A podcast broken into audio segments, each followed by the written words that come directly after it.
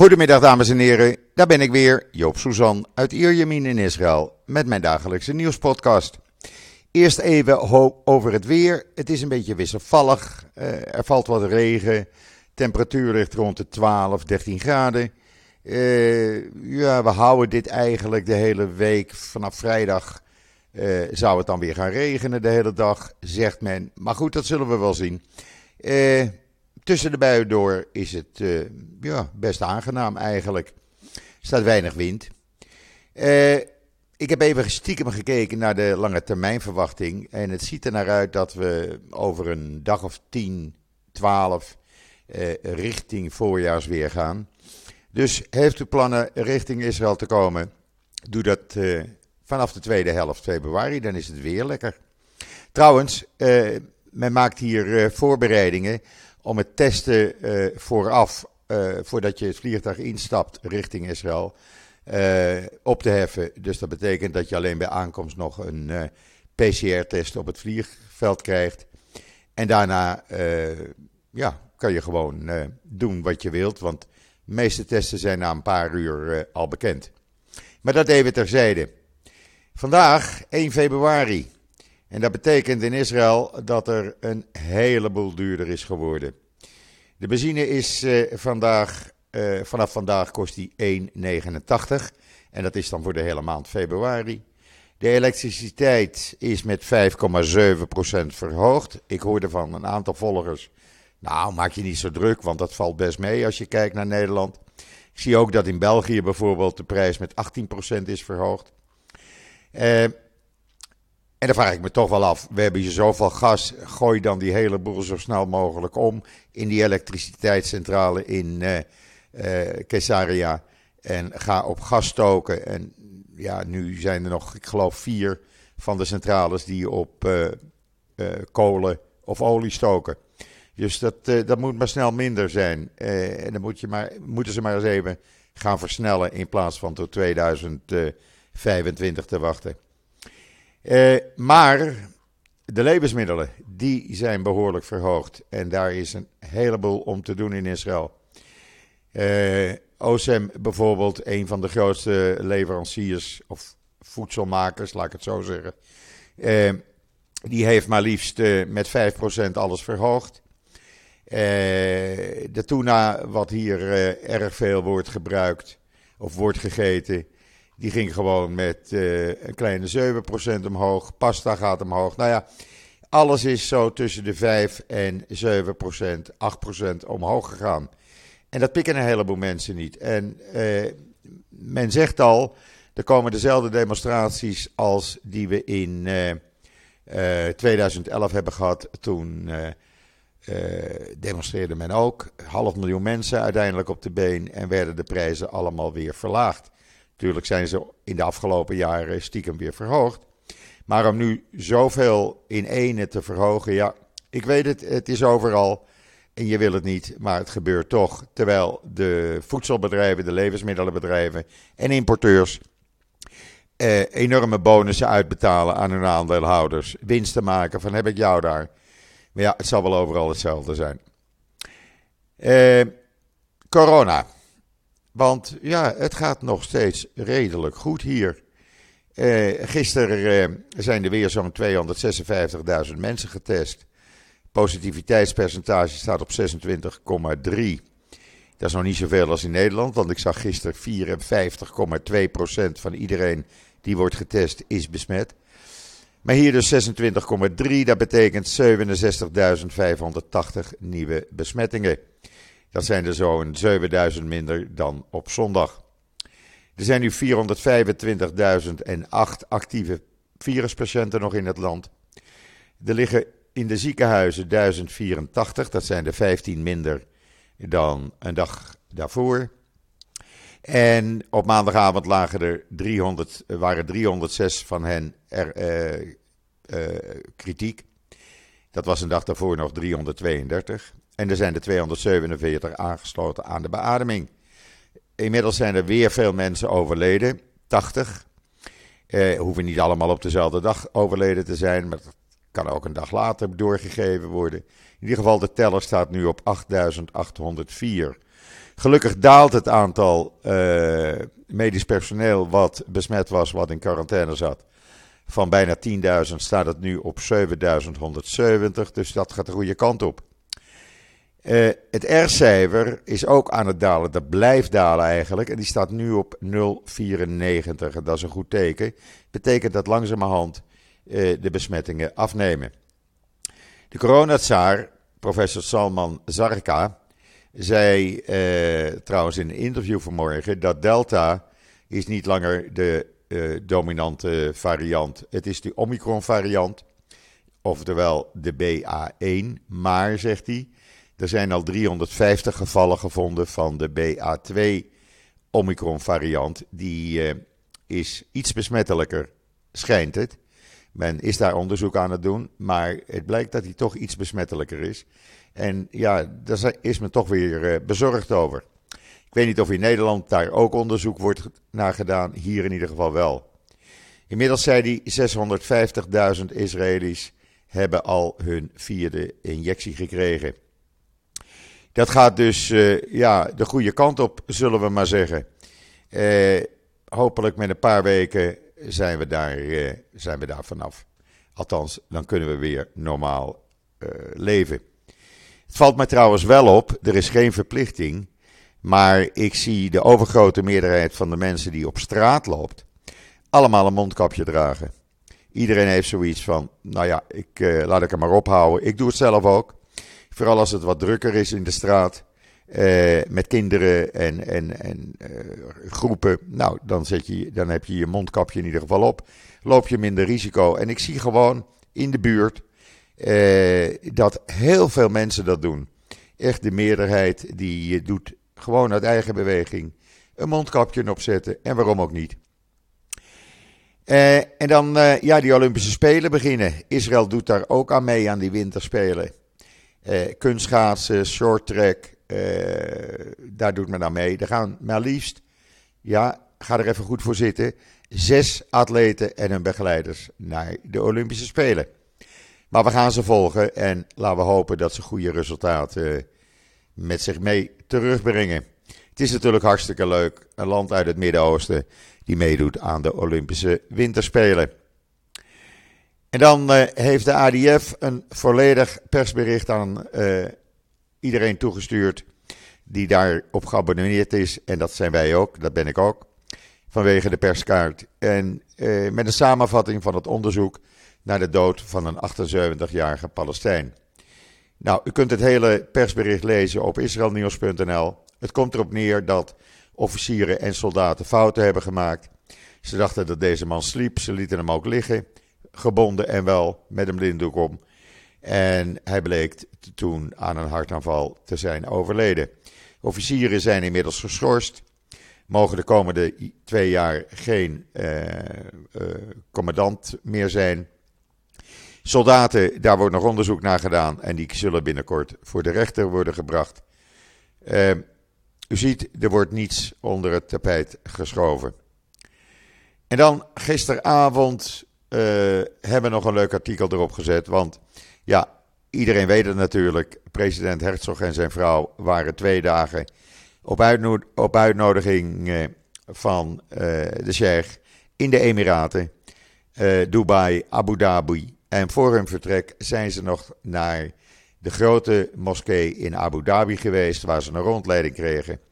Waar mevrouw Herzog een ja, een heel mooi gewaad kreeg wat voor haar gemaakt was. En dat heeft ze ook aangetrokken. Echt een Arabisch gewaad, heel mooi. En ja, het is een bijzondere moskee. U kunt het allemaal lezen op uh, israelnieuws.nl met de foto's en ook van de andere bezoeken, zoals bijvoorbeeld de Expo in Dubai. Daar is een hele lange video van op israelnieuws.nl. Ga maar even kijken.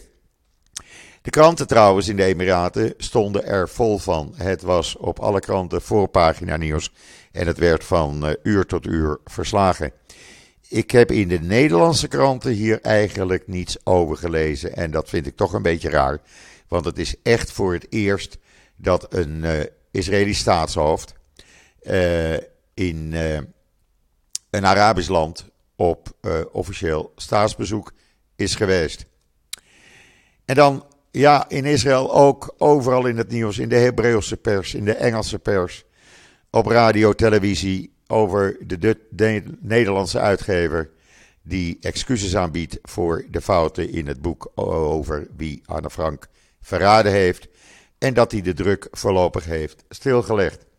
Nou, dat zegt hij dan dat, het, dat de druk is stilgelegd, maar het blijkt dat hij in andere talen nog steeds vrolijk erop nadrukt en uh, nog steeds zorgt dat het in andere talen beschikbaar blijft. Dus uh, Ambo Antos, de uitgever, is niet helemaal eerlijk. Uh, althans, volgens Reuters. Want daar hebben ze tegen gezegd van, ja, we bieden excuus aan, we stoppen in Nederland met het drukken, totdat we meer duidelijkheid hebben en uh, ja, maar voor het buitenland blijven we gewoon lekker doordrukken. Uh, uh, ja, dat boek, we hebben het er al vaker over gehad. Iedereen die er eh, een beetje vanaf wist, heeft dat op social media of in artikelen neergeschreven. Wij ook. En gelukkig heeft die druk geholpen, want je gaat niet iemand beschuldigen als je geen bewijzen hebt. En dit boek was alleen maar om geldbejag. Vandaar de foto van Anne Frank op de, voor, op de voorpagina van het boek. Gewoon om te verkopen. En het had niets met echt onderzoek te maken. Ik vind dat een grof schandaal. En dat boek moet over de hele wereld gewoon uit de verkoop. Ook een grof schandaal. Amnesty heeft vandaag een rapport vrijgegeven.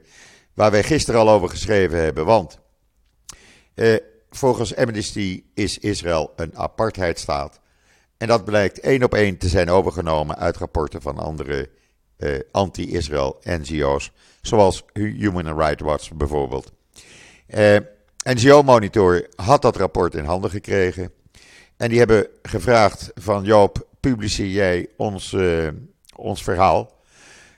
dan is dat ook in het Nederlands. Want als wij dat naar Nederlandse kranten toesturen, die vertikken het om onze stukken te publiceren. Uh, wij zijn daarmee gestopt. Ze doen dat toch niet. Ze willen het niet eens meer hebben van ons, de Nederlandse kranten. En uh, ja, ik kijk daar eigenlijk niet van op hoor. Want Nederlandse kranten, als het uh, nieuws over Israël is, ja, we weten inmiddels hoe dat gaat. Alleen maar het slechte nieuws. Nou, waar het om neerkomt, het is gewoon een antisemitisch rapport wat ze hebben gemaakt. ze verdraaien feiten.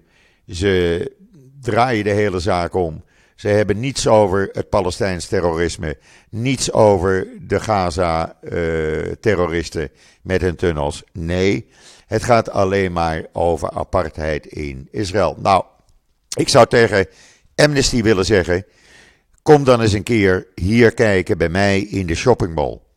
Want in die shoppingmall, een van de grotere in Israël, is iedereen gelijk en wordt iedereen op dezelfde manier verwelkomd. En dat, of dat nou Israëli's zijn, of dat nou Palestijnen zijn, of dat nou moslims zijn in moslimgewaden. Iedereen kan daarin. En er is geen sprake van apartheid. En de Palestijnen die ik ken, die zeggen ook altijd: er is geen apartheid. Dat is een buitenlands verhaal. Wij leven in vrijheid. Israëlische Arabieren zijn gelijk met de Joden, met de Joodse Israëli's zijn gelijk met de christenen die in Israël wonen, hebben Israëlische ID's. Maar daar hoor je Human Rights Watch niet over. Daar hoor je Amnesty International niet over. Nee, want dan klopt hun verhaal natuurlijk niet. Ook de, de politiek trouwens is daar heel kwaad over. Trouwens, u kunt dat hele verhaal eh, over van NCO Monitor één op één lezen in israelnieuws.nl. En deel het alsjeblieft. Want dan weet iedereen hoe het werkelijk zit. Stuur het desnoods naar Nederlandse tv-zenders of kranten. Dan misschien, misschien, misschien willen ze het dan publiceren. Wat zegt het ministerie van Buitenlandse Zaken? Jair Japid, de minister. Amnesty, wat die wil, die willen uh, uh, de Joodse staat uitwissen. Die willen gewoon niet dat er een Joodse staat is. Die zijn voorstander van één staat waar Joden in de meerderheid zijn. En het enige wat ze doen is het Joodse volk op een antisemitische wijze bejegenen en uh, zorgen dat er nooit een Joodse staat blijft. Dat is wat het ministerie zegt hier. Ook veel Joodse organisaties en andere Israëlische groeperingen gaan tekeer tegen Amnesty, want het slaat natuurlijk nergens op. Ik verwacht trouwens dat de Nederlandse pers hier weer groot mee uit gaat pakken, want dat vinden ze iets fantastisch. Ze kunnen weer tegen Israël tekeer gaan, want dat doet de Nederlandse pers graag. Goede dingen uit Israël, je ziet ze weinig. En dan, uh, ja, de procureur-generaal heeft dan officieel afscheid genomen. Mandelblit. Mandelblit is de man geweest die Netanyahu heeft aangeklaagd, ondanks dat hij door Netanyahu benoemd was. En Gideon Saar, de minister van Justitie, zei vanmorgen via een Zoom afscheidsbijeenkomst. Uh, want Gideon Saar zit in quarantaine omdat hij uh, besmet is met corona. Sorry, een slokje water. Maar gelukkig niet ziek. Die zei: uh, Ja, we maakten ons erg zorgen over de toekomst van de democratie in Israël. Het gevaar is nog niet geweken, maar we zijn op de goede weg. Hij zegt: uh, Er was een groot gevaar voor de democratie, omdat uh, er een bepaalde mensen waren. Hij noemde de naam Netanyahu niet. Die probeerden de waarden en normen van de rechtsstaat te veranderen. Die probeerden het justitiële, justitiële apparaat te veranderen, naar hun hand te zetten en mensen te benoemen die uh, op hun hand waren. Het is een hele lange toespraak geweest, u kunt het lezen op Jeruzalem Post. En hij heeft wel gelijk. Uh, Netanyahu wilde bijvoorbeeld rechters benoemen die hem goedgezind waren. Dat is tegengehouden door Knesset-commissie. En door het feit dat hij geen premier meer is. Netanyahu ging natuurlijk enorm tekeer in een, in video gisteravond. En ook een Mandelblit. Uh, zijn aanhangers zeiden: Mandelblit hoort in de gevangenis. Nou ja, dan weet u al een beetje hoe het zit. nog even over Amnesty trouwens. Amnesty is van plan samen met Human Rights Watch en andere anti-Israël organisaties bij de Verenigde Naties uh, uh, klachten tegen Israël in te dienen. En te zorgen dat het internationaal gerechtshof in Den Haag zich over Israël gaat buigen. Human Rights Watch komt in maart met een rapport. Nou, ze hoeven het niet, eens uit te brengen, want we weten al wat erin zit. Of in staat, laat ik het zo zeggen. En dan uh, meneer Blinken, de Amerikaanse minister van Buitenlandse Zaken, heeft dus even weer wat mensen gebeld. Hij heeft Abbas gebeld en gezegd: jongen, maak je geen zorgen. Wij gaan alleen maar voor een twee-staten-oplossing. En daarna heeft hij uh, gebeld met uh, Lapid, Jair Lapid. En ja, hij heeft gezegd: laten we het eens even over Israëlische-Palestijnse kwesties hebben. En wij staan, wij staan standvastig voor de veiligheid van Israël. Maar we willen wel dat er vredesonderhandelingen komen. komen. En dat consulaat voor die Palestijnen, dat moet in Jeruzalem weer opengaan. Nou, daar is Israël op tegen, want die zegt: waarom een apart consulaat voor de Palestijnse bevolking in Oost-Jeruzalem, terwijl er in Jeruzalem een grote Amerikaanse ambassade staat waar iedereen terecht kan. En daar hoef je geen apart consulaat voor te openen. Uh, maar ja, dat is dan typisch, uh, typisch Biden, zullen we maar zeggen. En dan een, een peiling onder Duitse teenagers en jongvolwassenen wijst uit dat ze wel graag meer over de nazi-tijdperk willen weten. niet dat ze er allemaal in geïnteresseerd zijn, maar de 16 tot 15 tot 25-jarigen zijn wel erin geïnteresseerd. Uh, iets meer dan hun ouders. Uh, maar het moet wel makkelijk te verteerbaar zijn, hadden ze gezegd. Het moet niet zo moeilijk zijn.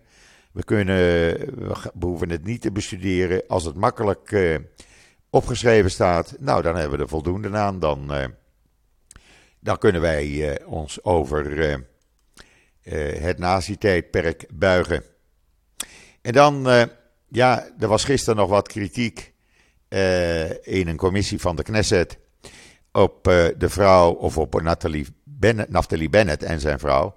Want u weet, op het moment dat Bennett zei, eind december, van ga niet naar het buitenland, ging zijn vrouw met de kinderen een paar dagen naar de, waar ging ze, de Malediven.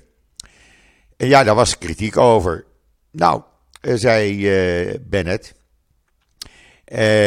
luister, wij zijn een koppel en ik ben niet haar baas. Zij bepaalt zelf wat ze wil doen. Eh, en ik ben niet haar baas. Ik ga haar niet zeggen wat ze wel en niet moet doen. We zijn gewoon een liefdeskoppel. En we hebben kinderen. Ja, en ze is eruit gegaan. Dat is niet goed met de kinderen. Had ze niet moeten doen. Eh, we hebben er geen spanning thuis voor gehad. Maar eh, ja, wat er op social media over ons heen kwam. Hij zegt, daar lusten de honden geen brood van. Nou, dat kan ik u ook zeggen. Wat ik gisteren en zondag aan antisemitisme over me heen heb gekregen. Op met name Twitter. Ik ben wel wat gewend, maar hier lusten de honden ook geen brood van. Ik heb tientallen Nederlandse antisemieten geblokkeerd. Ik zeg met nadruk Nederlandse antisemieten. Omdat er altijd wordt beweerd dat het moslims zijn. Nee, gewoon doorsnee Nederlanders. Die eh, blijven uh, de holocaust vergelijken met uh, de coronapandemie. En vielen mij daar op antisemitische wijze op aan. En ook vanwege de uh, holocaust herdenking. Nou, dat overdreven. Want dat valt allemaal best mee. En jullie Joden blijven altijd maar in die holocaust zitten. Nou, het is zelfs zo erg dat veel volgers van mij mij steun uh, betuigden en zeiden: Joop, we begrijpen nu pas wat, uh, wat Joodse mensen meemaken. Als, ik, als wij zien hoe er tegen jou aangetrapt wordt omdat je Joods bent. We hadden dat niet voor mogelijk gehouden.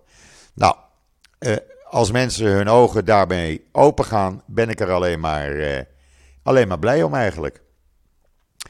En dan Gans heeft gisteren gezegd dat zijn ontmoetingen met Abbas, de Palestijnse leider, uh, ja, dat is gewoon diplomatie. Hij zegt we moeten met elkaar uh, blijven spreken, vertrouwen wekken. en dan, dan komen we eruit. Hij zegt, en het is helemaal niets bijzonders dat dat nu wordt gedaan. Het werd namelijk ook onder Netanyahu gedaan, alhoewel Netanyahu dat nooit bekend maakte. Maar uit alle stukken die we hebben boven water gehaald, blijkt dat uh, Netanyahu wel degelijk regelmatig contact had met Abbas. Hij zegt alleen: Ik doe het in, in de openheid. Ik nodig Abbas bij me thuis uit. Ik kom bij Abbas thuis in Ramallah. Uh, hoe open wil je het hebben? We gaan onze ogen niet sluiten voor de Palestijnen. We willen naar een oplossing toe. Uh, en zelfs als de wereld daar niet in geïnteresseerd is hoe wij dat willen doen, wij doen het op onze manier. De Palestijnen praten met ons, wij praten met de Palestijnen. En wij blijven contact houden om een, diploma om een diplomatieke horizon te blijven creëren. En dan de, de, gouverneur van Florida, meneer Ron DeSantis, een republikein, die ver, vertikt het om uh, die neonazi-bijeenkomst die in Orlando plaatsvond het weekend te veroordelen. Dat was hier volop in het nieuws. Neonazis met de Hitlergroet, met, nazi met hakenkruizen. Israëlische vlaggen werden vertrapt en verbrand. Antisemitisme werd, uh, antisemitisme werd geschreeuwd naar uh, voorbijgangers. Hij zegt: Nee, die ga ik niet veroordelen. dat zijn allemaal democraten, die, demonstra die demonstranten. En dat is een democratisch probleem en geen republikeins probleem. Dan weet u een beetje hoe de kaarten liggen in uh, Amerika. Maakt gewoon onderdeel uit van uh, het antisemitisme en de manier waarop Joden wereldwijd uh, ja, moeten leven.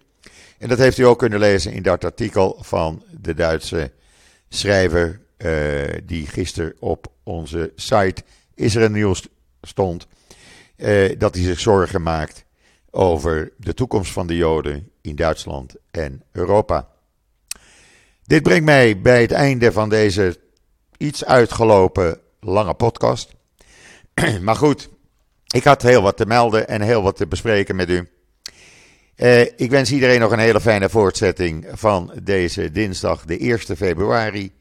Ik ben er morgen weer en zeg zoals altijd: tot ziens, tot morgen.